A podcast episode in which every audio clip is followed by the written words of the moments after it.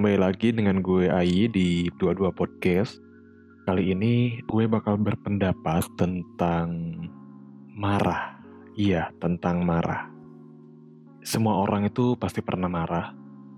Bedanya ada yang sering, ada juga yang tidak. Ada yang ditunjukin, ada juga yang diam-diam. Marah itu suatu perasaan tidak senang terhadap sesuatu. Menurut gue, marah itu seperti dua sisi mata uang. Marah punya dampak yang ngerugiin.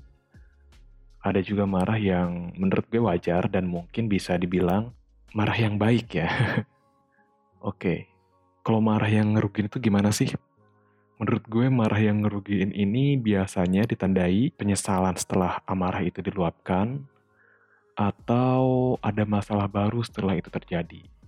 Misalnya nih, gue marahin temen gue karena rusakin barang kesayangan gue misalnya.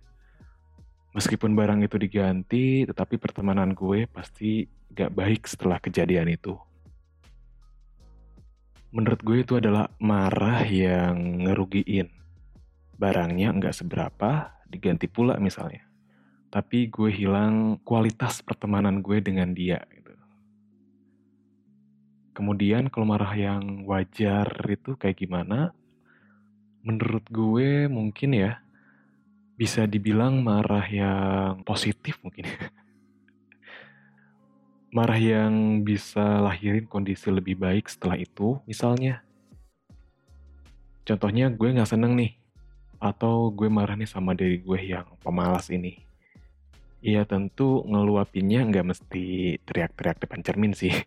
Tapi marah model ini akan mencegah gue menjadi pemalas, akan mencegah gue menjadi orang yang mageran gitu, yang nggak produktif, nggak produktif maaf, uh, aksen Sunda gue keluar.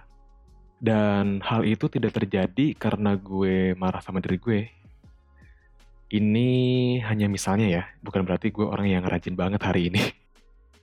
Atau contoh lain orang tua yang marahin anaknya yang belum dewasa main sampai larut malam dan gak tahu main ke mana, apalagi kalau anaknya cewek. Menurut gue itu contoh marah yang wajar, meskipun uh, marahnya bisa dituangkan dalam bentuk lain-lain gitu ya. Ada yang mungkin ngasih tahu secara halus, ada yang mungkin marahin bener-bener marah kayak gitu. Tapi hal itu dilakukan memang untuk mencegah hal buruk terjadi, seperti itu. Jadi, silahkan pilih kapan kalian harus marah dan kapan harus ditahan. Tapi tetap, gimana pun bentuknya, setiap orang gak ingin menerima amarah dari siapa pun. Terima kasih, gue Ai.